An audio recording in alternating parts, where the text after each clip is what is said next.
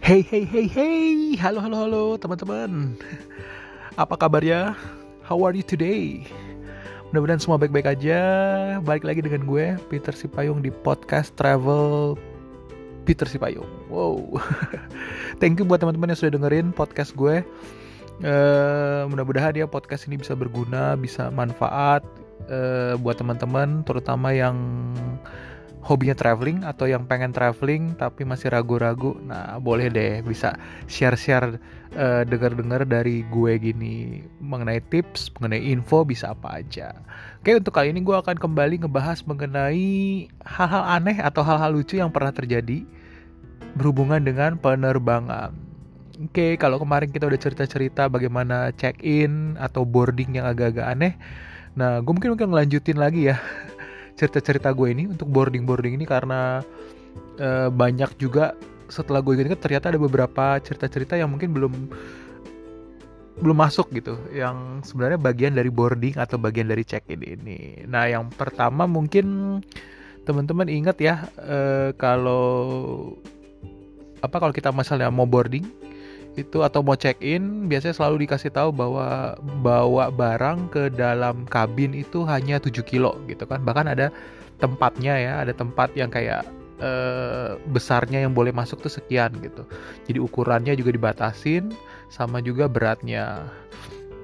Dan nah ngomong-ngomong soal pembatasan ini nih gue ada beberapa eh, cerita lucu ya uh, yang terjadi yang gue rasakan. Nah, yang pertama itu adalah gue terjadinya di Brunei. Jadi waktu itu gue akan pulang dari Brunei menuju ke Jakarta. Jadi gue naik Air Asia. Jadi penerbangan itu adalah uh, Brunei, eh Bandar Sri Begawan, Kuala Lumpur, Kuala Lumpur, Jakarta. Nah ini kejadiannya waktu di Bandar Sri Begawan. Jadi seperti biasa kalau gue kan berkunjung ke negara-negara ASEAN tuh biasanya nggak lama ya teman-teman. Paling 3-4 hari, tiga atau empat hari udah paling lama itu. Jadi nggak pernah bisa sampai seminggu itu nggak kecuali kerja. Kalau memang jalan-jalan sih biasanya memang ya gue rasa sih tiga hari ya atau empat hari. Empat hari itu masih udah dengan kedatangan dan kepulangan ya. Nah, itu totalnya. Nah jadi waktu itu ya seperti juga waktu itu aja ya waktu-waktu yang lain gue setiap pergi pasti hanya membawa tas gendong atau backpack backpack kecil gitu. Nah, jadi backpack yang compact backpack yang compact. Dalam arti di dalam backpack tuh ya sudah semua. Jadi baju eh, apa pun lah. Peralatan mandi gitu ya. Eh, obat-obatan segala macam. Pokoknya dalam satu tas ransel itu. Nah jadi ya udah hal yang lumrah lah teman-teman. Kalau kita pergi biasanya pulang pasti akan jadi lebih berat. Karena ya ada baju kotor gitu ya. Baju kotor itu kan pasti kan ya mengandung keringat segala macam. Jadi pasti lebih berat. Kemudian pasti beli oleh-oleh juga gitu ya beli barang-barang tertentu. Nah, akibatnya begitu gue pulang, nah secara tas, tasnya masih tetap kecil gitu. Maksudnya secara backpack ya masih muat tuh ketika dimasukin ke dalam tempat yang ukuran backpack. Nah, tapi begitu ditimbang beratnya kalau gue inget banget sih waktu itu sekitar uh, mungkin sekitar 8 kilo atau 9 kiloan lah gue. Apalagi waktu itu gue inget gue bawa kamera. Jadi gue bawa kamera mirrorless. Jadi semua dalam satu itu dalam satu tas gitu. Nah ini pada saat udah mau boarding mau masuk ke ruang tunggu itu kan biasa ada pemeriksaan tuh teman-teman. Pada saat diperiksa tuh tumben-tumbenan baru kali itu adalah gue diperiksa benar-benar beratnya. Jadi beratnya katanya harus 7 kilo. Jadi apa yang terjadi teman-teman? Jadi kalau nggak 7 kilo nggak bisa. Jadi gimana dong akhirnya gitu. Uh, waktu itu kebetulan gue pergi sama temen gue dan temen gue ini pergi juga sama uh, sama orang tuanya jadi uh, kebetulan uh, jadi istilah gini uh, yang temen gue juga dia dia bawa tas tas kecil karena dia bawa koper jadi koper sudah masuk ke dalam bagasi. Kalau gue kan emang karena nggak bawa gitu nggak bawa bagasi jadi gue doang yang berat. Akhirnya dong uh, gue titip titipin ke temen gue.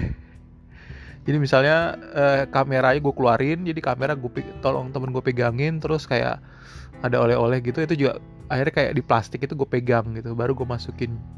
Jadi itu akhirnya baru 7 kilo. Kemudian kamera dipegang temen gue sama oleh-oleh itu gue pegang sendiri. Baru bisa masuk.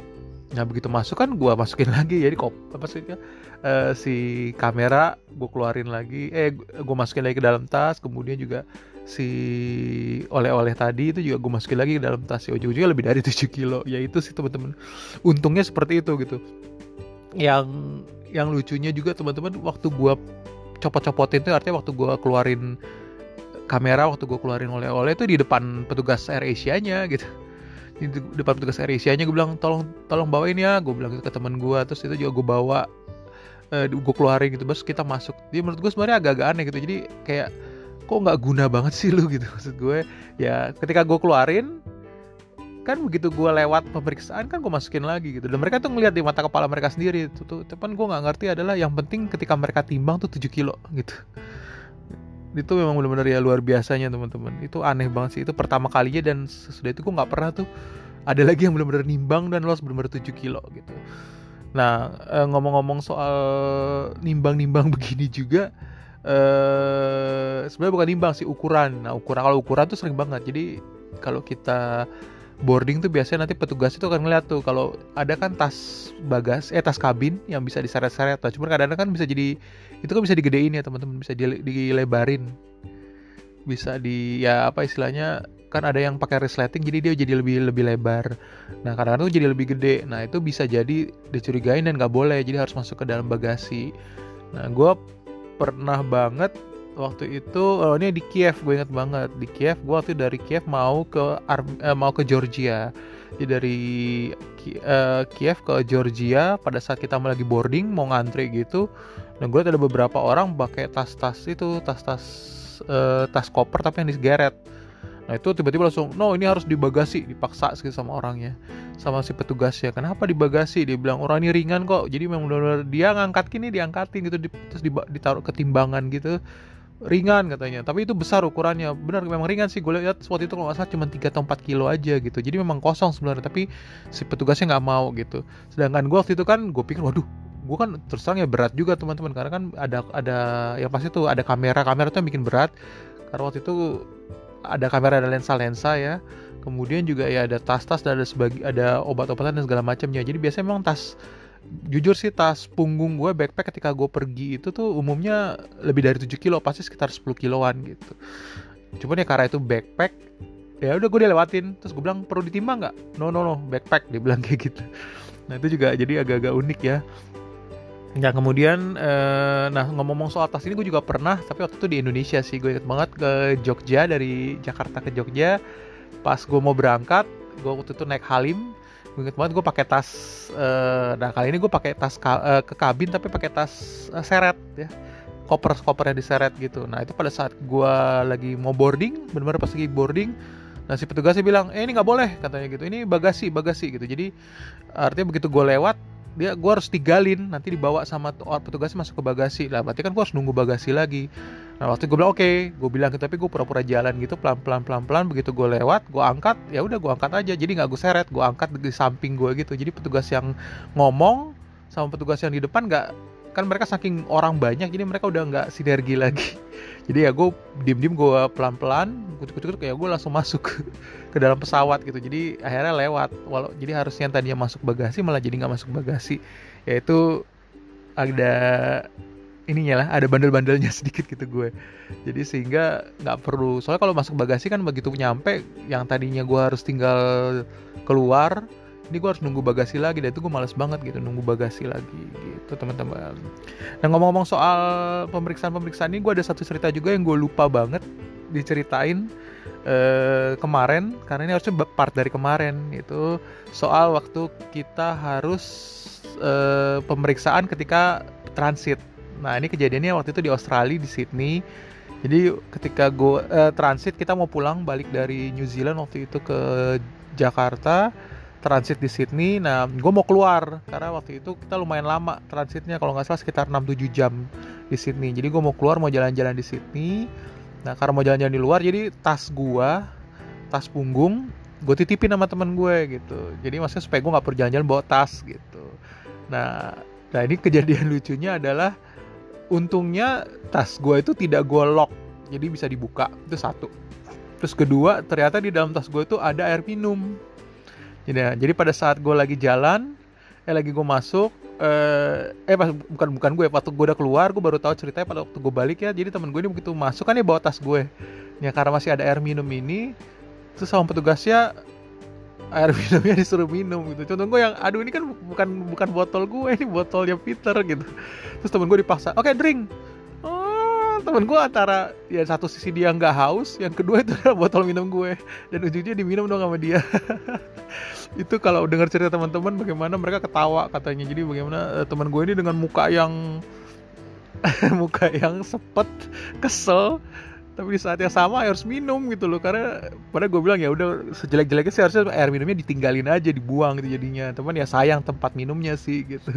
Ya teman gitu pokoknya this is your drink.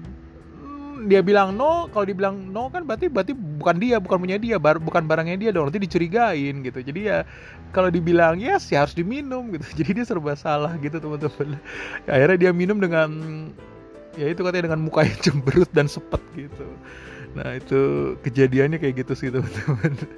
Oke kemudian yang berhubungan juga dengan soal tadi sempat sempat gue singgung-singgung sedikit ya teman-teman, tapi gue baru sadar ternyata sering banget terjadi. Itu pada saat uh, boarding itu adalah eh, nggak uh, mau ngantri. Ya, ya mungkin sebelumnya gue udah pernah bilang bahwa memang boarding nggak mau ngantri ini sebenarnya bukan sifat or apa maksudnya suku bangsa tertentu ya lebih kepada orang gitu walaupun ya walaupun dibilang bukan suku bangsa tertentu tapi beberapa kali gue menemukan memang itu itu aja sih gitu ya jadi ya gimana? Susah juga gue bilang. Tapi gue sih tetap yakin bahwa sebenarnya ketidakmauan antri ini lebih kepada orang gitu ya. Jadi bukan kepada suku bangsa. Gue lebih tetap lebih tetap pegang ke situ sih sebenarnya. Karena gue pernah juga kok menemukan orang dari bangsa itu mau antri dengan bagus dan rapi gitu. Jadi memang kadang-kadang memang ada orang-orang tertentu yang memang nggak mau ngantri gitu. Nah ini pernah kejadiannya itu adalah gue inget banget waktu ke mau ke Cina ya mau ke Beijing gue waktu itu transit karena naik jadi transit di Hong Kong. Nah begitu juga teman-teman pas di Hong Kong biasa lah ya gitu. Kayak antri ada aja yang nyelak gitu. Nah gitu. Itu yang agak-agak ngeselin gitu ya. Nah kemudian gue juga menemukan itu nggak mau antri waktu gue eh, apa namanya eh, di Nepal. Gue ingat banget tuh di Nepal jadi kita lagi antri nah tiba-tiba gue yakin sih ini gue nggak tahu ini orang mana ya. Ya kalau dari mukanya sih penampakannya ya kan mirip-mirip aja. Jadi gue nggak tahu apakah dia ya India Nepal kah atau Bangladesh atau Bhutan atau Sri Lanka gue nggak tahu gitu. Tapi poinnya adalah uh, waktu itu kita udah ngantri uh, dia jadi terus ini satu satu keluarga bapak ibu dia bawa anak. Tapi anaknya bukan anak kecil loh ya. Jadi anaknya mungkin sekitar udah mungkin umur 9 tahun atau 10 tahun. Nah kemudian di di depan gue juga udah ada antrean tuh udah ada ada keluarga juga yang bawa anak gitu bule ada juga keluarga ya gak tau keluarga India atau keluarga Nepal juga bawa anak anak kecil gitu ya anak yang digendong gitu. Dan kita ngantri gitu malah ngantri mau masuk. Hmm, nah pada saat ngantri tiba-tiba dia langsung mau nyelak ke depan gitu. Dia bilang eh dia bilang hey uh, kebetulan yang pertama protes tuh adalah bule. Jadi ada ya, suami istri tuh uh, suami istri agak tua bule yang protes hey katanya please take a queue dia bilang tolong dong ngantri dia bilang itu dia bilang eh gue bawa anak kecil Nah, terus yang baru keluarga yang bilang bawa, bawa anak kecil ngomong, eh gue juga bawa anak kecil, gue ngantri. Terus di depan juga, eh saya juga bawa anak kecil, saya ngantri kok, saya ngantri dari tadi gitu. Terus dia langsung, ya nggak tahu dia tiba-tiba ngomong dalam bahasa nggak tahu bahasa apa ya gue nggak ngerti bahasa Sanskerta kah bahasa Hindi kah atau bahasa apa pokoknya terus ya di di, di, di ini gak sama yang yang ngerti bahasa itu no no no, no. baru ya akhirnya pindah ke belakang gitu jadi memang ya kadang-kadang memang gue juga bingung sih. Ada aja orang yang males banget mau ngantri dengan berbagai alasan gitu ya. Dan ya gimana ya? Gue juga pernah kejadian juga itu di pada saat ini kalau ini ngantri di uh, apa airport waktu kita belanja gitu. Gue pernah menemukan ya suku bangsa ini juga gitu ya. Uh, di waktu gue lagi di Doha Qatar.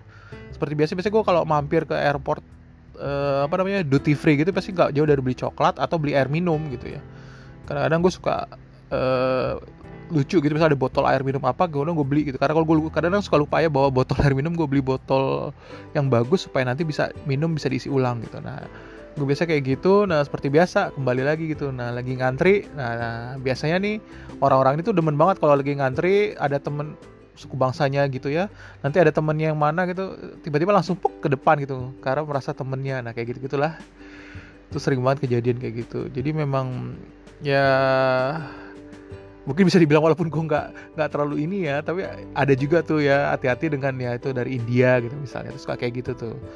Hobi banget nggak mau ngantri gitu. Nggak entah India entah Nepal lah. Pokoknya mukanya kan mirip-mirip buat gue ya itu tuh mereka tuh suka hobi yang nggak mau ngantri gitu.